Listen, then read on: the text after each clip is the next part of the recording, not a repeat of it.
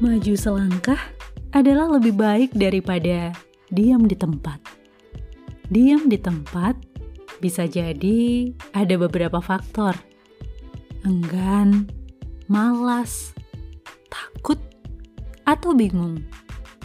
Padahal hidup itu dinamis, tidak ada yang abadi. Selalu ada pembaruan. Teknologi saja berubah dari waktu ke waktu. Ada update, ada upgrade. Jika kita tidak sepakat dengan perubahan, maka kita yang akan jauh tertinggal. Pilih mana?